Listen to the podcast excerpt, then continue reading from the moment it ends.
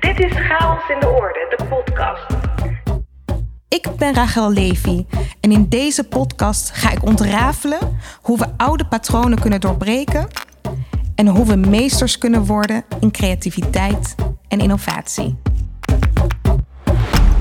Als spreker word ik vaak gevraagd om mijn eigen verhaal te delen het verhaal van een jonge, creatieve, enthousiaste vrouw die haar eerste baan krijgt en vervolgens maand na maand steeds meer van haar kleur en haar initiatief verliest.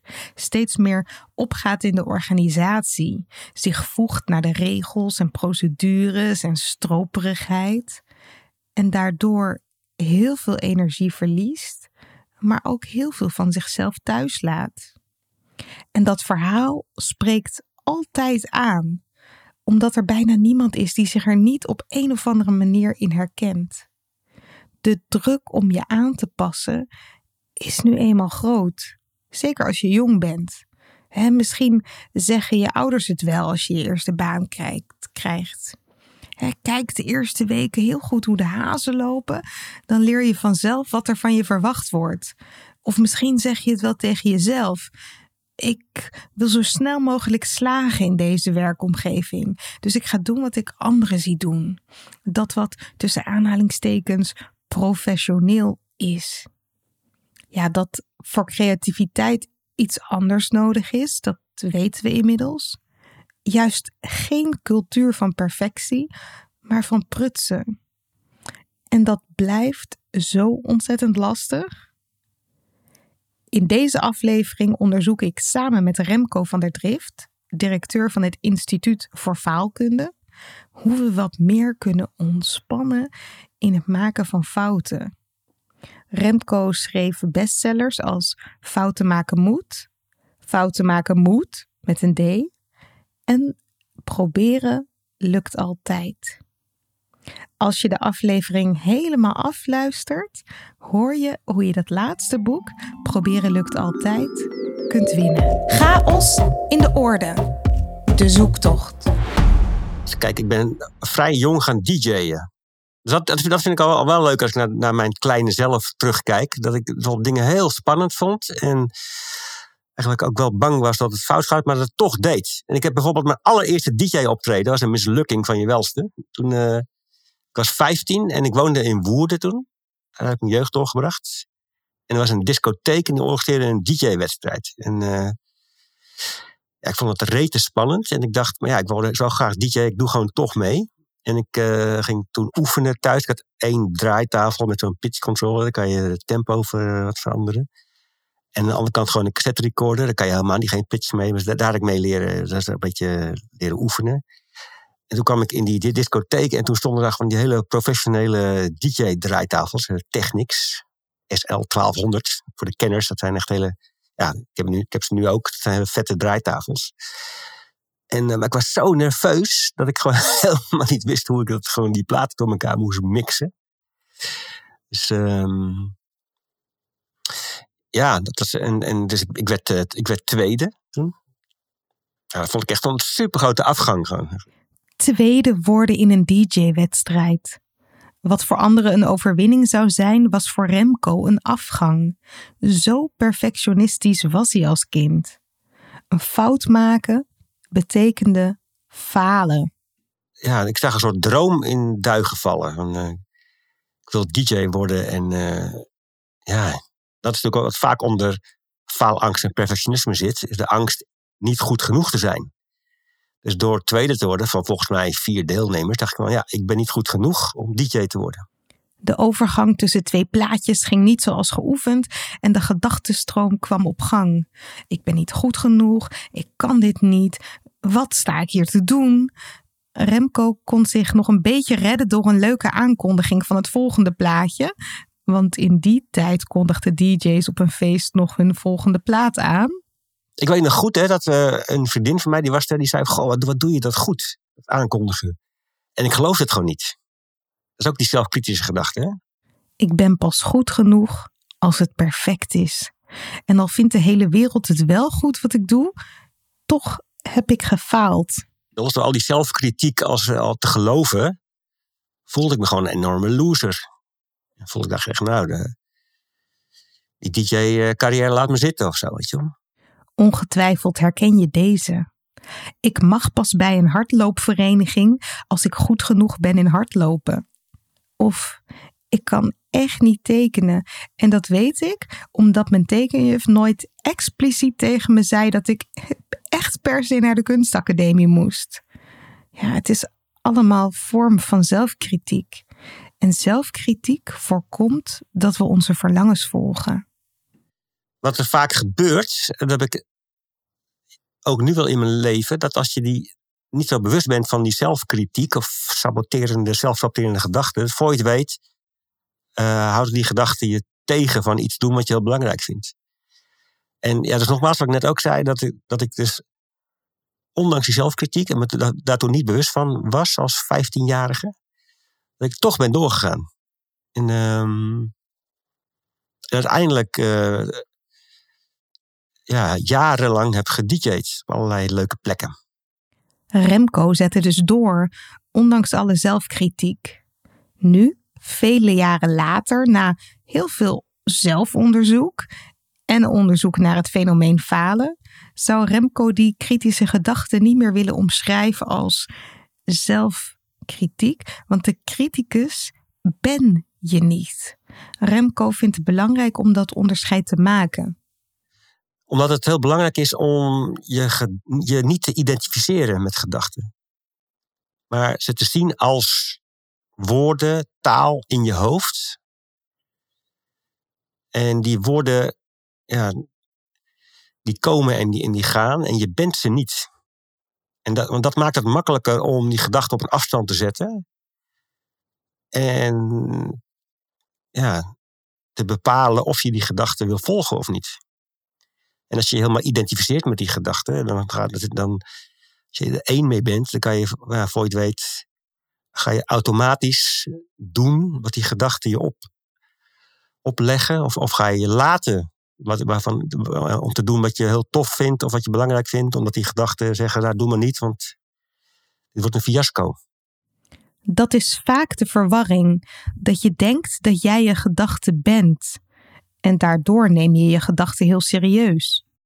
En dat ben je, wie je bent is eigenlijk de stille getuige. Hè? Dat is uh, geen die er naar luistert. Remco doet vaak oefeningen met mensen, zodat ze zichzelf kunnen herkennen als stille getuigen van hun gedachten.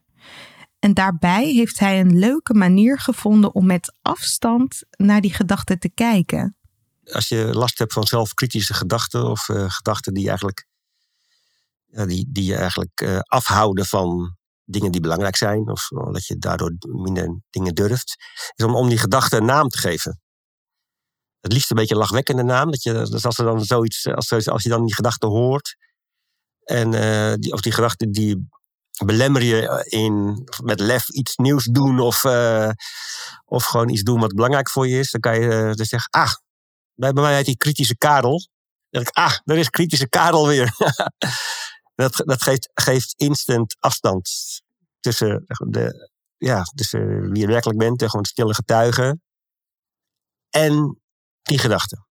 En kritische kadelen, al die kritische gedachten, dat is niet mijn vijand. Onze kritische gedachten zijn niet onze, vijand. Dus, um, want eigenlijk heeft Karel bij mij het er gewoon het beste met me voor. En um, alleen Karel staat gewoon scherp afgesteld. Hè? Die is, uh, is bang dat ik uh, door de mand val of dat ik uh, een sukkel ben als ik een fout maak. Of, uh... En ja, het is, het, is, mooi om Karel met, een, uh, met wat vriendelijkheid af en toe eens door te laten babbelen zonder mee te gaan in zijn inhoud. Niemand is geboren met zelfkritiek. Zelfkritiek groeit. Vroeger was kritische Karel misschien nog een klein kritisch Kareltje. Ja, ik denk hele jonge kinderen, die, zijn vaak, die hebben daar vaak wat minder last van. En eh, die, dat zie je ook wel, kinderen rond hun derde zijn er vaak heel creatief en stellen vragen en durven van alles. Maar ja, hoe ouder we worden, hoe meer we een soort zelfbesef krijgen. En uh, krijgen te maken met allerlei regels van ouders, opvoeders, uh, onderwijzers, onderwijzeressen, mensen om je heen. En die zeggen van wat, wat je wel en niet mag of moet doen. Hè? Dus dan kom je als, al in een soort besef van wat goed en fout is. En ehm, ja, al die, die regels, die, een of andere manier lijkt wel of we die op, op, opslokken erover. En, dat, en dat, dat we die internaliseren. En ja, voor je weet ga je die als gedachte herkauwen. Hoe vaker je een mening of een regel hoort als je jong bent, hoe meer die regel of mening jouw normen beïnvloedt. Ook de normen ten aanzien van jezelf. En ook al ben je het misschien helemaal niet eens met de norm die je hebt meegekregen, het kan lastig zijn om je ervan los te maken. Uh, mijn vader, hij, leeft inmiddels niet meer, maar die, dat is een, uh, echt zo'n man met een arbeidsethos. Is op uh, zaterdag vond hij altijd, vond hij het afschuwelijk als ik lang lag uit te slapen. Want ja, er moest van alles gebeuren, weet je wel. Ik moest, ik, moest ik was een auto wassen of allemaal dingen doen. En nog steeds, dat ik het afgelopen weekend ook weer. Ik sliep, bij mijn vriendin en die ging eerder de bed uit en ik bleef lang liggen. En toen werd ik later wakker. En als eerste hoorde ik dus eigenlijk zo'n kritische stem. Van dat ik echt wel een luiwammers was, dat ik nog steeds in mijn bed lag. Uitslapen. Het kan zo heerlijk zijn. Behalve als je hebt geïnternaliseerd dat je vooral niet te lang mag blijven liggen, omdat je dan te lui bent. En het is mooi dus om dat te beseffen, dat dat een gedachte is. En, en um, want voor je het weet, zou die me automatisch een rotgevoel kunnen geven als ik ik me wel me identificeer met die, met die gedachte. Of ik, zou, uh, of, of ik zou mijn gedrag, het uitslapen, als fout kunnen bestempelen. En uit mijn bed springen. Tegen mijn vriendin zeggen: Sorry dat ik nu pas wakker ben. Terwijl, ja, en, je die stem op een afstand zet en realiseer me, hey, dat is een zelfkritische gedachte, dan kan ik echt, of komt er ruimte, hè, dan denk ik, nou, om bijvoorbeeld te kunnen genieten van rust in het weekend en lekker lang op mijn bed blijven liggen als ik daar zin in heb. Als je je minder wilt laten belemmeren door je gedachten, helpt het niet om ze te negeren. Je hoeft ze ook niet te regisseren of andere dingen tegen jezelf gaan zeggen. Maar je kunt wel een ander soort relatie met je gedachten ontwikkelen. Je gedachten een naam geven, zoals kritische Karel, kan helpen. Door um, op een afstand te zetten. Hij mag er zijn, maar het, ik laat me er niet automatisch door beïnvloeden. Dat is een andere relatie, relatie eh, eigenlijk een afstand, lange afstandrelatie. Tussen het DJ'en door studeerde Remco personeel en organisatie. En dat was in de tijd dat bedrijfsopleidingen in opkomst kwamen. En bedrijven hun medewerkers intern gingen opleiden. En al vrij snel rolde Remco het trainersvak in. Een schot in de roos bleek, want Remco is nog steeds trainer. Maar aan het begin van zijn loopbaan was hij zeker niet alleen in het trainersvak. Kritische Karel liep voortdurend met hem mee. Enorm, enorm. Ik zie nog steeds mensen uit die tijd, waar ik toen samen mee eh, trainingen gaf. De meeste zijn ook allemaal trainer gebleven of geworden. En um, ja, kritische Karel die maakte mij toen heel erg wijs dat ik eigenlijk dat al die andere mensen die trainingen gaven, dat die echt veel beter waren dan ik. Dus ik, uh, ja, ik was heel voorzichtig eigenlijk als trainer daardoor en uh, keek op tegen andere trainers. Um, en ook, ja, ik moest daar vanochtend nog aan denken. Ik gaf vanochtend uh, een uh, faalkunde workshop. En toen moest ik nog terugdenken aan het was ook was aan een groep trainers. En dan moest ik nog terugdenken aan mijn begintijd, zo begin jaren negentig bij de kindertelefoon. Dat uh, we trainen altijd met meerdere trainers. En dat uh, iedere trainer ook in de groep dingen deed waar hij goed in was. Dus een collega van mij die gaf dan uh, altijd een soort de theorie over het bureau vertrouwensarts bijvoorbeeld. En ja, zo ben ik gestart. Terwijl ik nu eigenlijk probeer ik mensen juist altijd stimuleren om juist dingen te doen waar je nog niet goed in bent. En eigenlijk maar, soort, juist als je, als je eenmaal al iets kan, dat dat gewoon uit te breiden met, uh, ja, met nieuwe dingen. Dus geloof, weet je, dus toen geloofde ik veel meer in talent of dingen die je kan, die moet je doen. En natuurlijk kan je, kan je ontwikkelen door je talenten te ontwikkelen, maar ik geloof heel erg dat dat, ja, dat heb ik eigenlijk vooral ook dankzij die uh, groeimindset-theorie opgepikt. Dat het heel gaaf is om te geloven in moeite en dingen die je nog niet kan. Dus als ik uh, zo'n 30 jaar terug in de tijd zou kunnen, zou ik denk ik. Uh, ja, eerder tegen, mijn collega zeggen van... oh, het is best saai dat iedereen gewoon doet wat hij, wat goed kan. En uh, laat mij dat uh, moeilijke college over bureau vertrouwensarts eens geven. En ja, als dat fout gaat, geef me feedback. Onze behoefte om veilig te zijn en geen fouten te maken zorgt ervoor dat we soms te lang vast blijven zitten op één plek. Op die manier schuiven we de kans om te ontwikkelen vooruit. En dat is jammer. Natuurlijk mag je genieten van dingen waar je al goed in bent, zegt Remco. Dat is prima. Dat is hartstikke leuk om daar ook beter in te worden. En daarnaast, denk ik, is het ook mooi om te geloven in jezelf ontwikkelen door, ja, door, door moeite uh, te omarmen. Moeite doen. Ja, met, met een vaste mindset is moeite doen vaak een soort teken van dat je iets niet kan. Dat je geen aanleg hebt. En dan veel mensen zijn dan geneigd om te denken: oh ja, dat kost me veel moeite, dat kan ik niet laten zitten. En want die groeimindset is moeite een uh, soort teken van. Um, van, van ja, hey, er zijn nog er is ontwikkel, zijn ontwikkelmogelijkheden. Wat leuk. Dus. Moeite omarmen betekent vertrouwen op je groei. Het is nog niet makkelijk, maar dat zou het wel kunnen worden. En ja, je kunt ook op je bek gaan. Falen omarmen hoort ook bij groei. Remco ontdekte faalkunde als mindset in het improvisatietheater. Zoals de lama's en de vloer op, wat later op tv deden. En daar ontdekte ik voor het eerst eigenlijk hoe tof het is om, ja, zonder een plan of zonder perfectie druk gewoon een podium op te springen en gewoon een scène te maken. En uh, als het dan misgaat, dan daag je daar op een ja-en manier nieuwe mogelijkheden van te maken. En uh, toen ik dat een paar jaar aan het doen was, toen uh, ben ik met een theatersportvriend een bedrijfje gestart om daar trainingen in te gaan geven ook. En dat was nog een beetje rond, rond 2000. En, en toen ben ik nog meer gaan, gaan analyseren van wat is het eigenlijk precies, hè, die houding op het theatersportpodium. En, en toen kwam, kwam ik heel snel achter, dat durven falen, dat is echt, ja, dat is, dat is zo belangrijk eh, in, op het podium, maar ook, ook in het leven. Hè, om jezelf, ja, eigenlijk wat we allemaal al weten, om van te leren en te vernieuwen.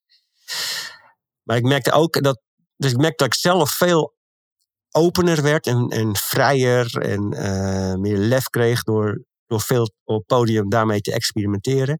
En dat ook gaaf was om mensen daarmee te inspireren. Om gewoon workshops te geven en mensen te inspireren met allemaal leuke theateroefeningen over durven falen. En toen ben ik daar meer over gaan lezen. Gaan, er bleek al heel veel onderzoek over te, te zijn. En toen ben ik nu negen jaar terug, heb ik mijn eerste boek erover geschreven. Fouten maken moet met een T.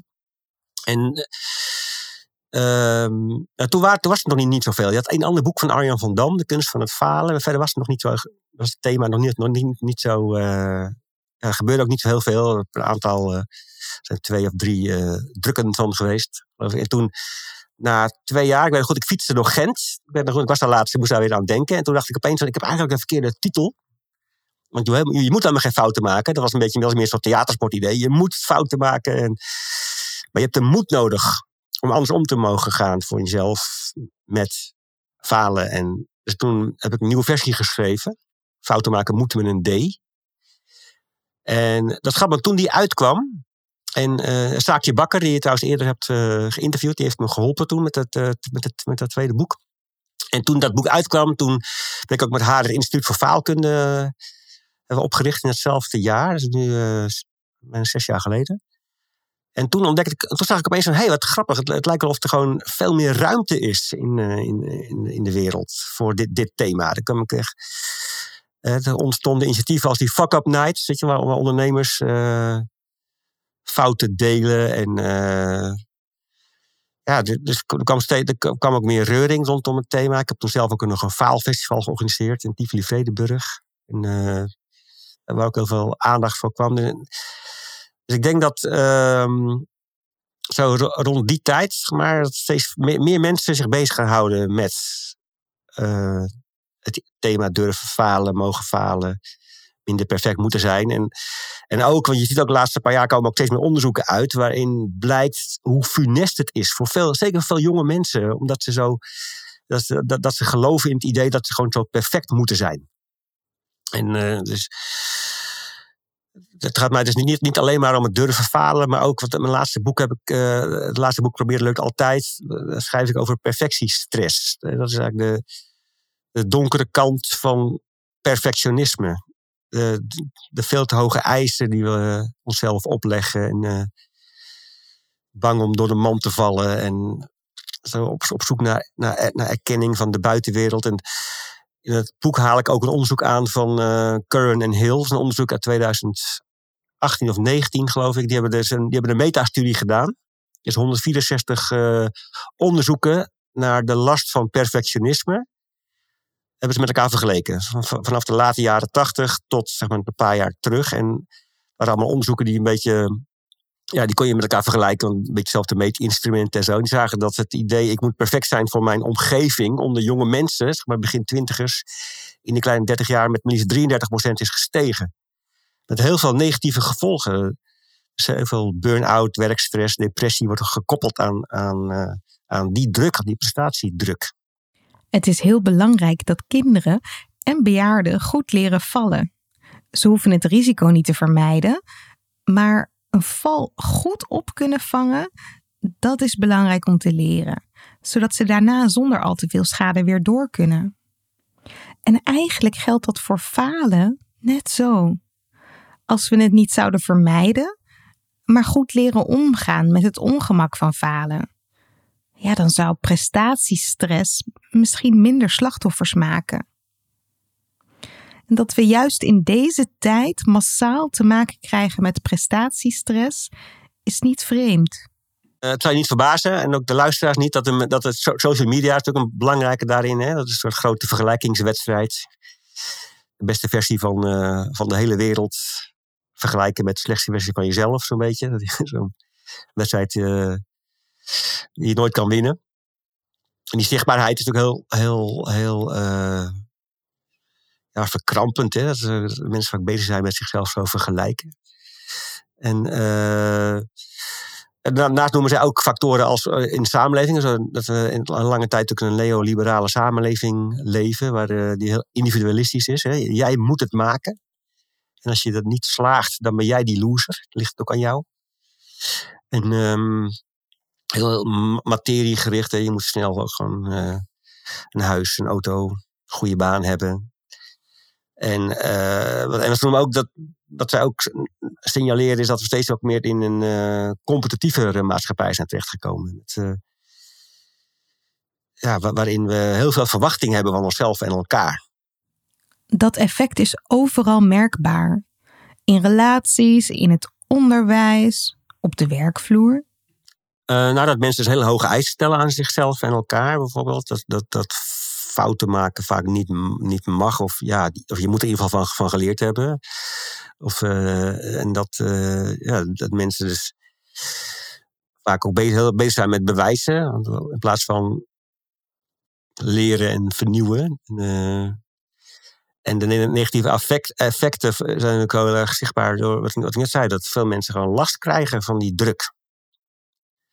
Hard werken, perfect moeten zijn nooit genoeg. Goed is, goed is niet goed genoeg. Tegenover al die prestatiestress staat het geluid van de faalkunde. Een geluid dat steeds harder klinkt. Als je jezelf toestaat om die perfectie-eisen wat los te laten en je wat meer te mogen proberen en op je bek mogen gaan. Dat is een, dat is een eh, proces van ontkrampen dat ontkrampen gebeurt op individuele schaal. Je doet het zelf. Maar nu steeds meer mensen hiermee bezig zijn en het belangrijk vinden, dringt ook het besef steeds meer door in organisaties dat prestatiestress verminderd zou mogen worden. Dat, dat dit een probleem is, dat mensen zo onder uh, hoge prestatiedruk staan en niet mogen falen. Dus uh, dat, dat, dat zie ik op papier, maar ook wel dat, ja, dat, dat mensen dus daar aandacht voor hebben. Er zijn wel ook uh, steeds meer bedrijven die daar zelfs hele themadagen over organiseren. En, uh, Dus ik zie wel ik zie bereidheid om hier iets aan te doen. Remco leert mensen dat ze niet krampachtig hoeven denken als dat maar goed gaat, maar juist enthousiast zijn en denken als dat maar fout gaat. Een boodschap met een knipoog en toch is Remco er bloedserieus over. Als je kijkt bijvoorbeeld naar uh, een, een, eh, een, onderzoek uh, van, uh, van Amy Edmondson, die veel werkt met ook falen en, en, organisaties. Dat zij heeft een mooie categorisering gemaakt van soorten fouten die er gemaakt kunnen worden in organisaties en hoe daarmee om te gaan. En één categorie, dat, dat noemt ze doelbewust falen. En dat zijn eigenlijk dus, ja, waar chaos in de orde natuurlijk ook over gaat. Dat je gewoon creatiever wil worden met elkaar. Dus moet je zo je dingen moeten uitproberen. En dan zul je dus ook op je bek moeten, moeten durven gaan. En um, doelbewust falen gaat over dat je, nou, dat je juist ook daar dat je ook, dat ook echt gaat opzoeken. En dat je, want veel pilots in Nederland worden gewoon vaak opgezet met het doel te slagen. En dat is eigenlijk best raar.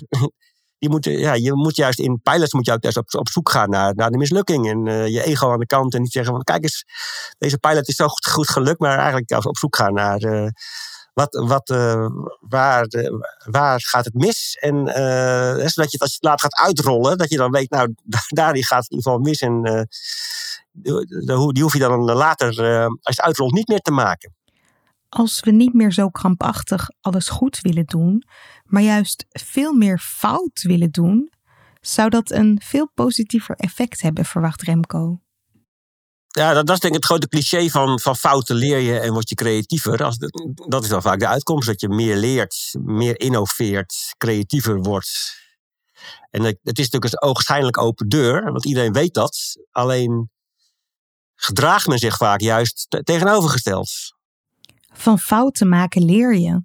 Dus het vermijden van fouten is wel het laatste wat we moeten willen.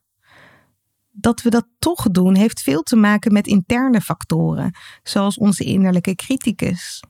Maar ook je omgeving speelt een rol. Hoe je werkomgeving is ingericht. Natuurlijk heb je stelt de context ook een enorme belangrijke rol. In, uh, hoe ga je met elkaar om? Uh, in organisaties, hoe wordt de leiding gegeven? Hoe veilig is het hè, om fouten te mogen delen? Bijvoorbeeld, of een fouten te mogen maken, wordt je kop eraf gehakt of niet? En um, ja, ook in hetzelfde onderzoek van Amy Edmondson, die zegt: uh, de meeste fouten in organisaties zijn niet verwijtbaar, maar worden wel zo behandeld. En, uh, en natuurlijk, je wil niet dat mensen opzettelijk overtredingen begaan. En misschien is dat dan wel een verwijtbare categorie, maar je wilde wel dat mensen gewoon ruimte nemen om nieuwe dingen uit te proberen en te experimenteren. En dat is heel vaak heel prijzenswaardig. Dus um, ik denk dat het heel goed is om, uh, als je in een eh, bepaald bedrijf werkt, om met elkaar daar het gesprek over aan te gaan. Mogen we op ons bek gaan? Uh, wat gebeurt er als iemand een fout gemaakt heeft en die daar, daar over vertelt? steunen we die persoon of fikken we hem af? En, ja, is, is het überhaupt een thema? Fouten delen. Het staat op de agenda. Ik denk, ik, ik zal ieder team aanraden om zoveel mogelijk uh, op de teamvergadering ook een puntje mislukkingen delen op te zetten. En, uh, ja, misschien, en, en zelfs misschien elkaar daar, daarvoor te belonen. Als je gewoon. Um, ik heb ook mijn laatste boek geschreven, wat wel mooi is, bijvoorbeeld de, de, de Open Boek Award. Wie, wie, wie, is, wie, is er een bepaald jaar nou het meest open geweest over mislukkingen en, en uh, ondersteun dat. Praten over fouten en mislukkingen creëert een sfeer waarin het oké is om te proberen. Zet je sukkel op een sokkel, noemt Remco het ook wel. Want wij denken natuurlijk vaak als we een fout hebben gemaakt, oh, ben ik toch een sukkel. Dat het heel mooi is om die juist gewoon tentoon te spreiden en daar open over te zijn. En eh, we zijn, ja, weet je, zijn vaak zo streng voor onszelf, dat andere mensen het juist heel vaak waarderen. Als je gewoon open durft te vertellen over wat er mis is gegaan en uh, daar kwetsbaar in durft te zijn. En dat komt natuurlijk, want als mensen dat doen, dan, dan dan zien we de, de, de, worsteling en dus we, zien, we zien de mens. En dat is mooi en dat verbindt. Een mens ziet een mens en dat verbindt. En we denken vaak natuurlijk vaak tegenovergestelde van nee, ik moet juist mijn successen tentoonspreiden. laat ik die andere dingen maar wat onder het tapijt schuiven. Een museum voor mislukkingen, waar jij als een soort gids langs je mislukkingen loopt en daar open over vertelt. Maar pas dan wel op dat de mislukking niet transformeert in een gelikt verhaal. Een uh, negatief effect, denk ik, van, het, van al die uh, mensen die bezig zijn met het, durven falen te prediken, is dat het soms durven falen ook weer bijna een nieuw succes wordt. Zo, hè? Dat je, kijk, mij toch eens eventjes kwetsbaar durven zijn. En ik denk als je echt, als je echt kwetsbaar bent, hè, dan zul je ook gewoon de pijn moeten laten zien, bijvoorbeeld. En het is, het is soms helemaal niet leuk om te falen. En het leidt ook soms helemaal niet tot succes. En mag je dat ook laten zien aan elkaar? Poets je mislukking niet op, maar laat het zijn voor wat het is. Je hoeft niet alleen maar je successen vanuit het falen te vertellen. Je mag ook vertellen dat iets gewoon mislukt is, punt. En dat je misschien soms ook er niks van geleerd hebt, mag ook. En dat je er nog, nog steeds van baalt. Als je faalervaringen gaat delen, hoeft het dus niet te gaan over inspirerende lessen. Als faalkunde ergens over gaat, is het dat je gemakkelijk leert te worden met je ongemak. Want fouten maken en, uh, of kritiek krijgen of onderuit gaan, dat kan ook vaak onzekerheid opleveren en, en ongemak. En uh, ik denk dat wij heel geneigd zijn om als mens om het ongemak weg te duwen. We kunnen steeds minder ongelukkig zijn. Dat is ook de, de, ik ben groot fan ook van de Wachter, de Vlaamse psychiater, die daar heel mooie dingen over zegt. Over, ziet, in, in zijn spreekkamer alleen maar mensen die, eh, die, willen, die gelukkig willen zijn. En uh, dat is ook een teken van deze tijd. Ik, ik, moet me goed voelen, ik moet gelukkig zijn. En um, maar ja, je bent mens en er zijn gewoon ook momenten dat je je ongelukkig voelt. En, en mag dat? Kan je dat ook omarmen? En, um, of omarmen klinkt ook weer dat je het geen positief mee doet. Maar mag je gewoon, mag je gewoon ook bijvoorbeeld uh, ongemakkelijk worden van, uh, van falen? En uh, voor jezelf en voor je omgeving dat, dat laten zien. En ben je bereid om het ongemak op te zoeken? Ik denk, als je weet je wel, en door, door nieuwe dingen te proberen die uh, mogelijkerwijs uh, fout kunnen gaan. Het nieuwste boek dat Remco schreef over falen heet Proberen lukt altijd. Proberen lukt altijd. Die titel zegt alles. Ja, dus je hoeft het hele boek niet te lezen. Je kan gewoon alleen, alleen de kaft eraf scheuren. Proberen lukt altijd. Die mindset is ontkrampend, zou je zeggen. Remco doet vaak oefeningen in groepen. Oefeningen die gaan over proberen. Dus ik zeg vaak van tevoren: oké, deze oefening gaat over proberen. En, weet je, en, en eh, herhalingen maken. En toch gaan mensen, als het een beetje chaotisch wordt en moeilijk wordt, gaan ze toch zich richten op presteren. En bijvoorbeeld stoppen met, met, met proberen. Omdat dat, zo zijn we geprogrammeerd. Hè? Dus uh, van huis uit of van school uit of, of maatschappij. Dat je, je moet presteren. Dus, en, en, en, um, dus als je dan iets, in iets moet presteren, ja, presteer dan maar in het proberen. Want dat, lukt altijd. En dan dus, het is een manier om die, wat, wat die, uh, die strenge prestatie- en perfectie-eisen wat, wat los te laten. Proberen wordt snel presteren.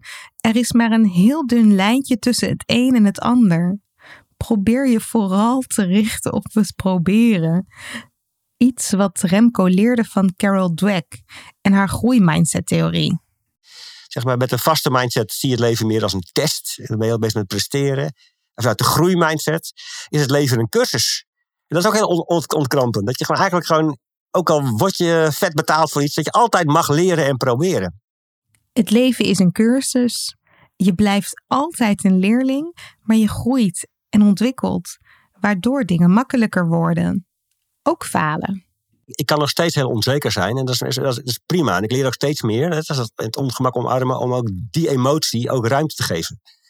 Want ik ben eigenlijk opgegroeid met het idee, ja, onzekerheid is, is slecht of zo. Ik kom uit zo'n mannengezin. En terwijl het heel mooi is eigenlijk om ook onzeker te, maken, om daar gewoon ruimte voor, voor, te maken. Dat is, uh, dat is ook heel, uh, ja, dat is ook heel ontkrampend. En en uh, dat geeft ruimte om dingen meer te durven. Als je onzeker mag zijn, in je koffertje dat meeneemt en dan gewoon dingen gaan doen. Nou, zoals een boek schrijven. En natuurlijk uh, is het fijn om daar positieve uh, feedback op te krijgen. En is, het, is, het ook, is, is het ook nog steeds zo dat ik het lastig vind als mensen dingen daar niet fijn of, of prettig of, of, goed in, in vinden. En, um, is het maar goed ook. Als, als ik op een dag wakker word en ik, ik zou dat niet meer erg vinden, dan zou ik ook denk ik moeten stoppen met dit vak. Want uh, ja, het, het, uh, zekere mate van, van, uh, van onzekerheid, als het je niet, niet te veel in de weg zit, is denk ik heel, heel, heel, heel, mooi, heel, heel menselijk. En, Zoals je van je faalverhalen geen opgesmukt succesverhaal hoeft te maken, gaat faalkunde ook niet over het nooit meer voelen van faalangst. Ik had laatst ergens ik een lezing en die mensen hadden wel titel gegeven, iets van nooit meer faalangst. En zo. Ik, nou, dit is echt een prachtige foute titel. Want dat, is een soort belofte die, uh, die juist eigenlijk ook averechts werkt. Dus uh, net, net, terug naar theatersport, mijn allereerste inspiratiebron. Dat, dat, dat, dat is het idee daarvan is feel the fear, do it anyway. En ik eigenlijk nu, 25 jaar later, snap ik die eigenlijk nog pas, snap ik die nog veel beter eigenlijk. Daarom dat het ook echt gaat over je hoeft je hoeft niet angsten weg te poetsen en dan pas het podium op te springen. Of, dingen, maar, maar, gewoon eigenlijk met al je spanning en angsten het gaat durven. En ik ben bijvoorbeeld zelf drie jaar geleden gestopt met improvisatietheater. Want ik liep helemaal vast in mijn hoofd ook. Ik dacht, oh, kan ik het nog wel? En ik dacht, ik moet een groeimindset hebben. Als ik negatieve feedback kreeg. En het was gewoon helemaal niet meer leuk. Het ging te veel, het ging te veel in de weg zitten vanuit allerlei theorieën van faalkunde. Ik dacht, ik stop er gewoon even mee. En ik ben er weer mee begonnen onlangs. En het belangrijkste om weer lol te krijgen in spelen is, is, is dit. Is, is gewoon, uh, ja, die, ik ben weer aangesloten bij mijn oude groepje. En uh, die zijn drie jaar verder. Nou, dat, en dat is heel logisch dat ik gewoon meer nog wat onzeker ben om weer gewoon met hen te gaan spelen. En, dat, en, en ja, dus, dat, dat, tegen, dat te realiseren en er ruimte voor, te maken, maakt ook de ruimte vrij om gewoon weer hups, het podium op te gaan. En uh, met die onzekerheid onder mijn arm scènes te gaan maken. En lekker te spelen. Feel the fear and do it anyway. Dat betekent ook, we gaan niet alleen maar luisteren naar Remco. We gaan ook iets doen. Tijd voor faalfitness. Faalfitness met Remco van der Drift. Oefening 1 een van mijn favoriete oefeningen, daar hebben we net eigenlijk al een beetje over gehad. Dat is die uh, kritische gedachte naam geven. En dat kan iedereen gewoon, gewoon, uh, gewoon ter plekke doen. Dat is, de oefening is uit Acceptance and Commitment eh, Therapy of Training, ACT. En die oefening is eigenlijk gericht om je gedachten op afstand te zetten. Zodat je ze niet automatisch gewoon direct je ermee samenvalt en, en dat je ze laat beïnvloeden. Dus wat leuk is, is om na, na te denken die zelfkritische gedachten, hè, die je daar zo in je hoofd zitten.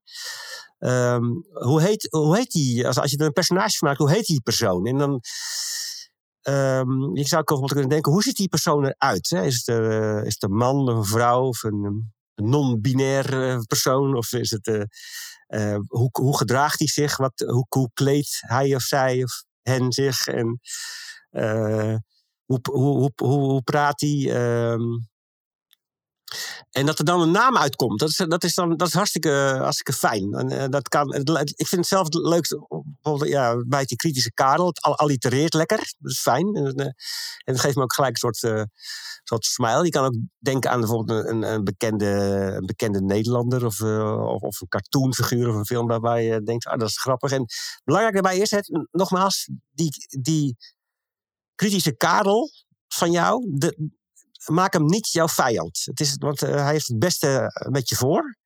En uh, de, het doel van die oefening is je, je die, die gedachte op een afstandje zetten. En, uh, hoe heet die bij jou? Oefening 2. Dus dan probeer je eigen beste vriend te zijn. Dus, dus je hoeft niet helemaal de hele dag tegen jezelf te roepen dat je fantastisch bent. Hè? Maar dat doen goede vrienden ook niet. Maar uh, je kan jezelf wel met dezelfde zorg en uh, tolerantie en vriendelijkheid proberen te benaderen. Waarmee uh, je een dierbare vriend zou behandelen. Want het is vaak zo dat als ik bijvoorbeeld enorm in de stress zit of zo, weet je wel, dat, is, dat ik een fout heb gemaakt of zo, dan uh, dan is het mooi om deze perspectiefwissel toe te passen als faalfitnessoefening. En dan kan je allereerst eens opschrijven uh, hoe jij reageert als een goede vriend ergens mee zit. Dus kan je eens nadenken over een moment waarop een, goede vriend uh, bijvoorbeeld jou opbelde of zo. En zei, nou, dit is er gebeurd. En, dan kijk eens, hoe reageer jij op, dat moment?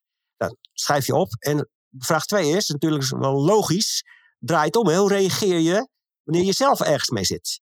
Dus denk aan een situatie van onlangs wanneer ik ergens mee zat. Hoe reageerde, jou, je, hoe reageerde jouw criticus op, op jou? Hè? Dus hoe reageert je kritische gedachte op jou? En dan vraag drie is, is er een verschil in die reacties?